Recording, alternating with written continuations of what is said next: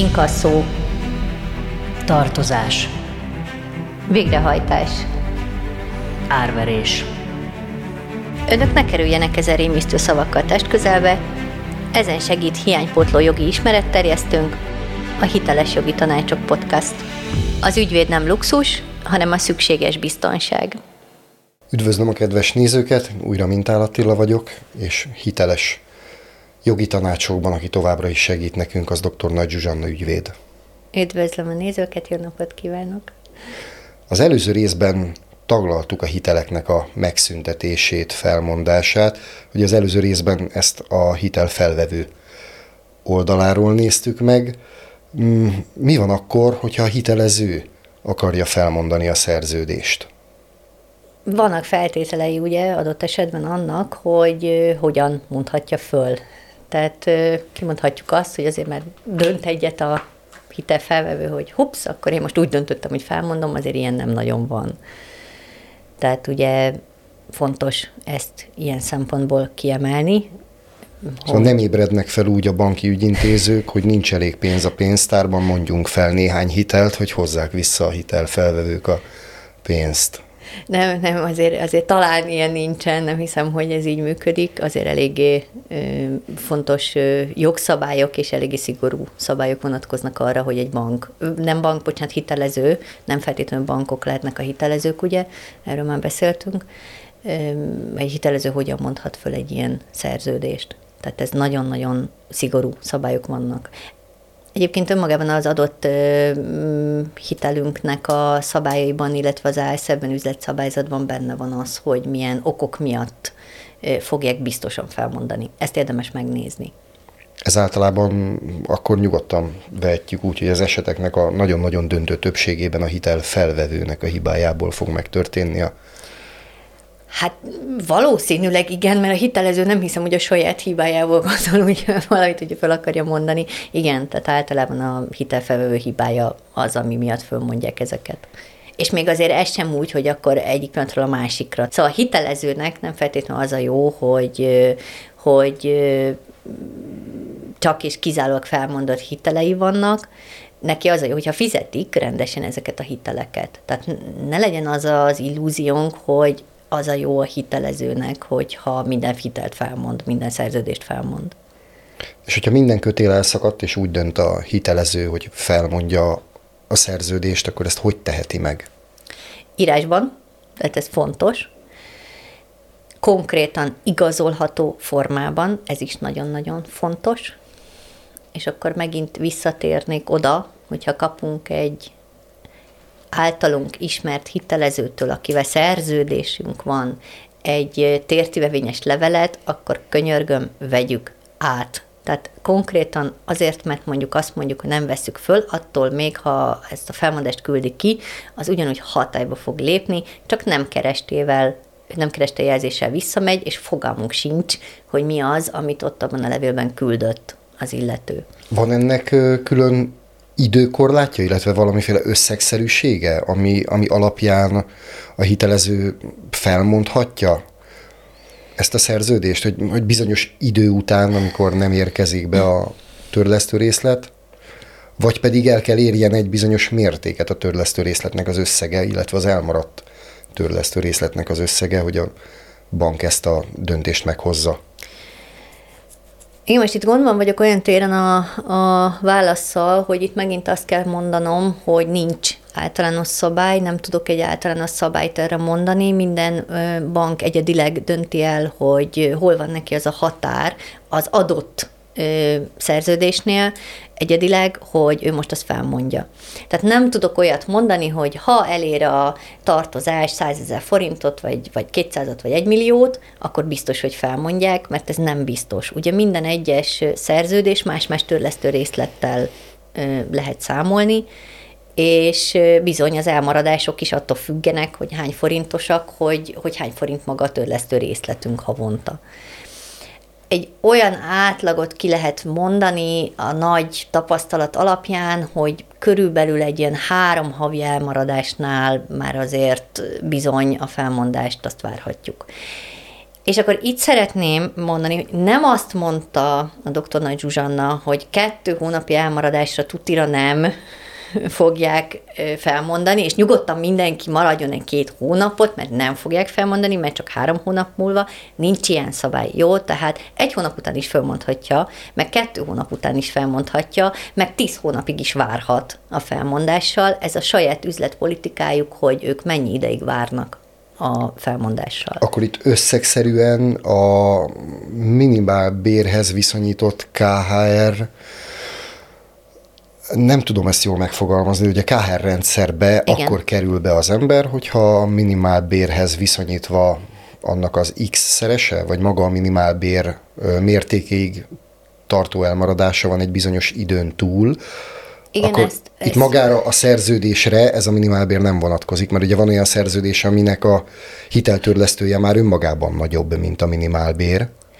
Igen, ezt nagyon-nagyon sokan keverik. Fú, ez nagyon jó kérdés egyébként, nem szabad a két fogalmat keverni. Van az úgynevezett negatív adós lista, ugye a KHR-ben, amikor negatívba kerülünk, lesz majd egyébként a KHR-ről is egy külön műsorunk.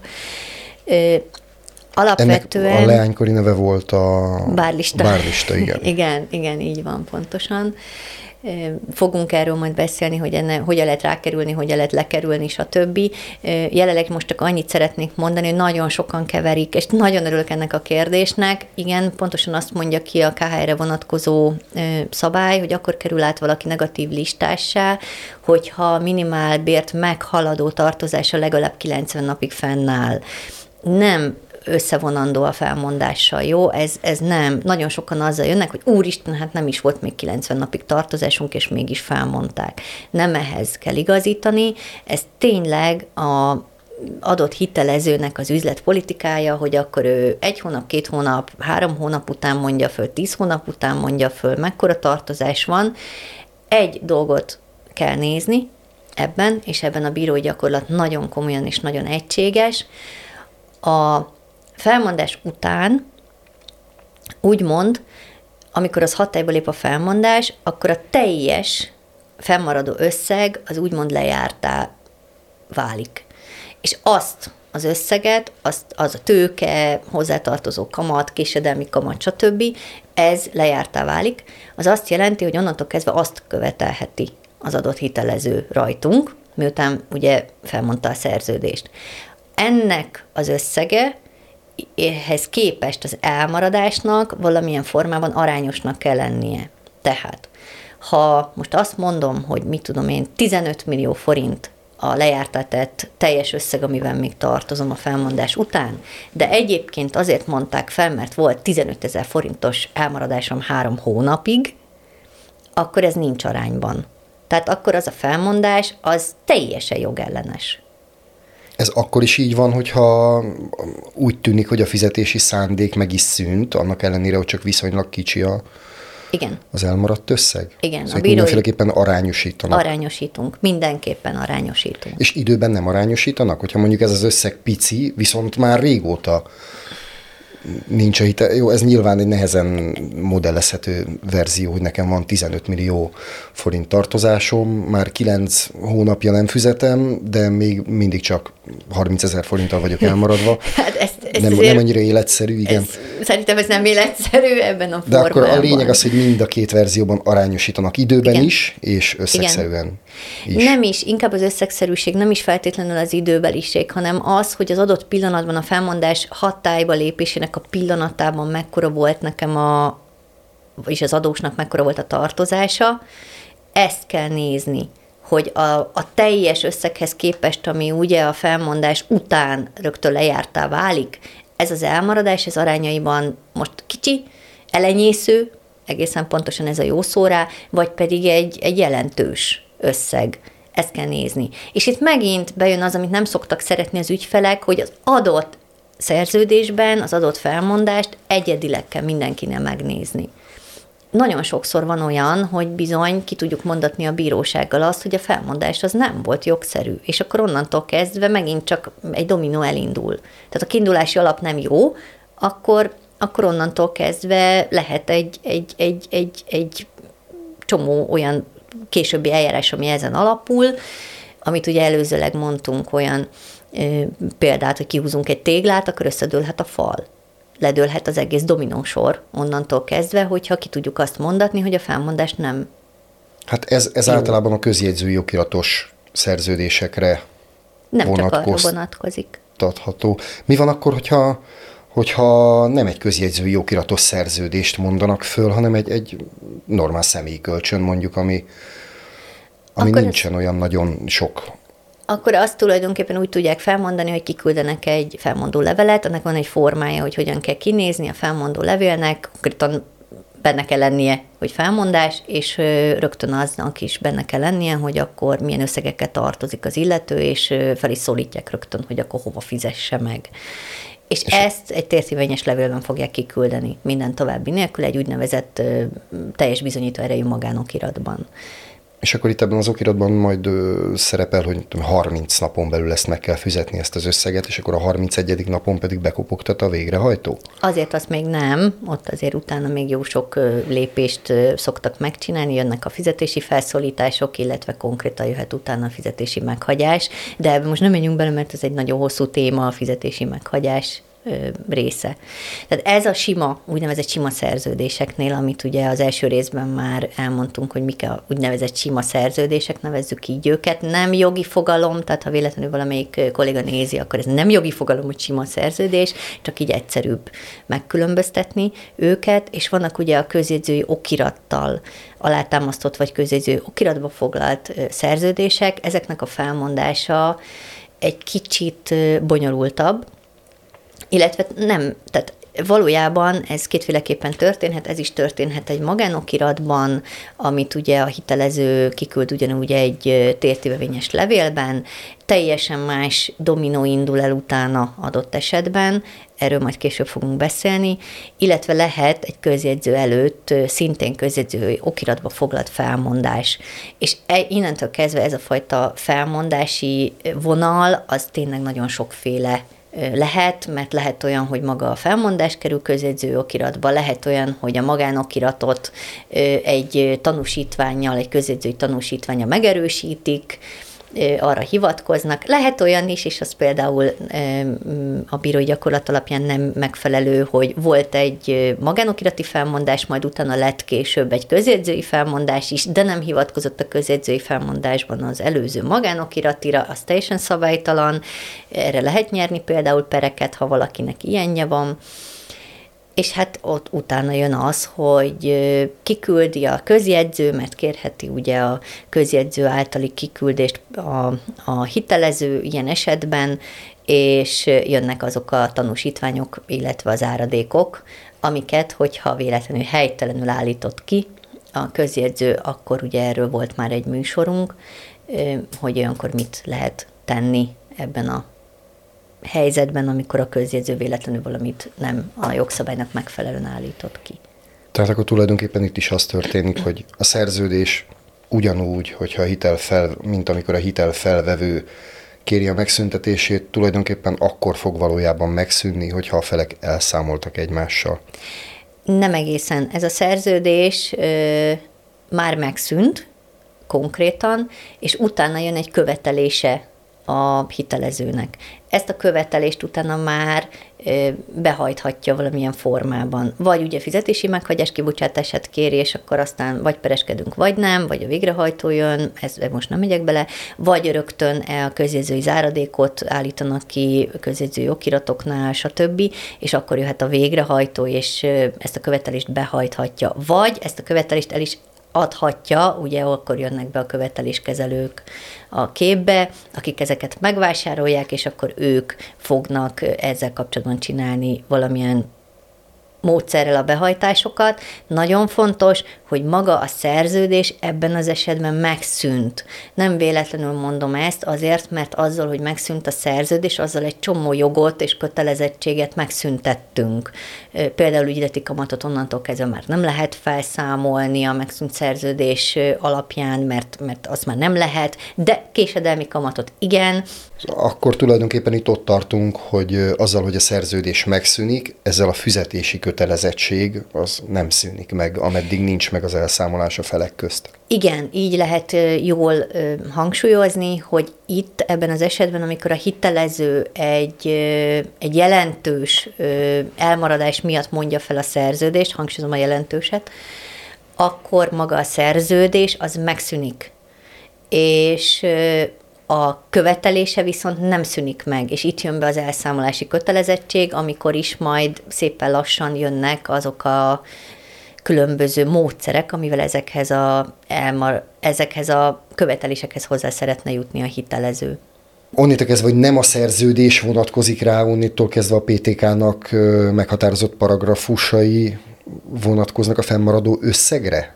Ha így, ha így vesszük, akkor például a késedelmi kamat tekintetében... Igen, igen, igen. Hogy igen. nem az van, igen. hogy én a szerződésben aláírtam egy 10x százalékos THM-et, hanem éppen a, az aktuális banki alapkamathoz viszonyítva számolják a késedelmi kamatot. Nem biztos, ez igen, főszabály szerint a PTK az, ami előlép, mint olyan, de hogyha az általános szerződési feltételekben, vagy az üzletszabályzatban, vagy az egyedi szerződésben másfajta késedelmi kamatot kötött ki a két fél, igen, ez, ez még egyre nem jött olyan, aki mondta volna, hogy ezekbe bele tudott bármilyen szinten szólni, és engedte a hitelező azt, hogy ezeket megváltoztassa, zárójelben ezt azért megjegyezném. Tehát amit ugye a hitelező kikötött, hogy milyen késedelmi kamatot számol föl erre, az lehet egyedi.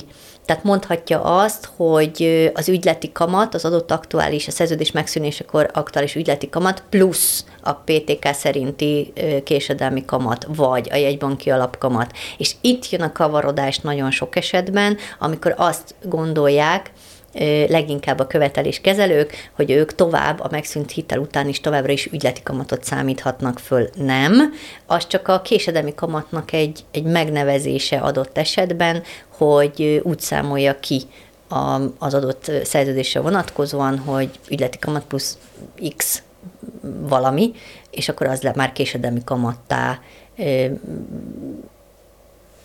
alakul át tulajdonképpen. Szerintem erről is majd csináljunk erőkről a kamatokról egy külön műsort, mert ez egy nagyon-nagyon nagy terület megint csak, hogy mit és hogyan kell szabályozni. Jelen pillanatban maradjunk annyiban, ha a hitelező felmondta a szerződést, hatályosult, átvettük a felmondást, vagy nem kerestével visszament, és akkor a jogszabály alapján hatályosult, akkor onnantól kezdve a szerződést megszűnt.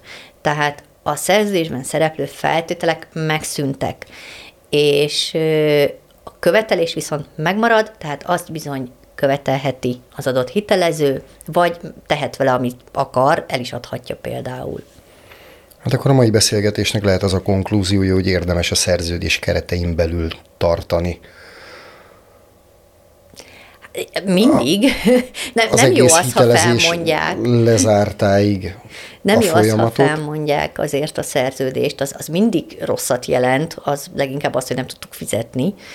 De egyébként itt jön be az, hogy attól, hogy felmondták ugye ezeket a szerződéseket, lehet az, hogy visszamenőlegesen bizony-bizony megállapíthatjuk azt, hogy érvénytelen volt maga az egész szerződéses konstrukció, és itt is megint azt javaslom, hogy akinek ez ilyen szerződése van, az forduljon szakemberhez, ehhez értő ügyvédhez, leginkább könyörgöm ügyvédhez, megint csak ne olyanhoz, aki kinevezte magát szakembernek, hogy nézesse meg, hogy tud-e valamit tenni az ügyben, hogy ezt a követelést, ami ugye a feje fölött lóg, ezt lesökkentse.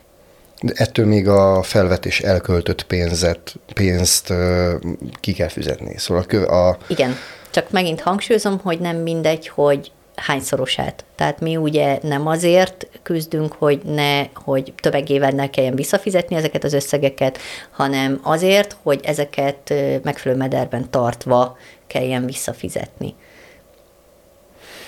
Hát akkor köszönjük szépen ezt a mai információ tömeget is.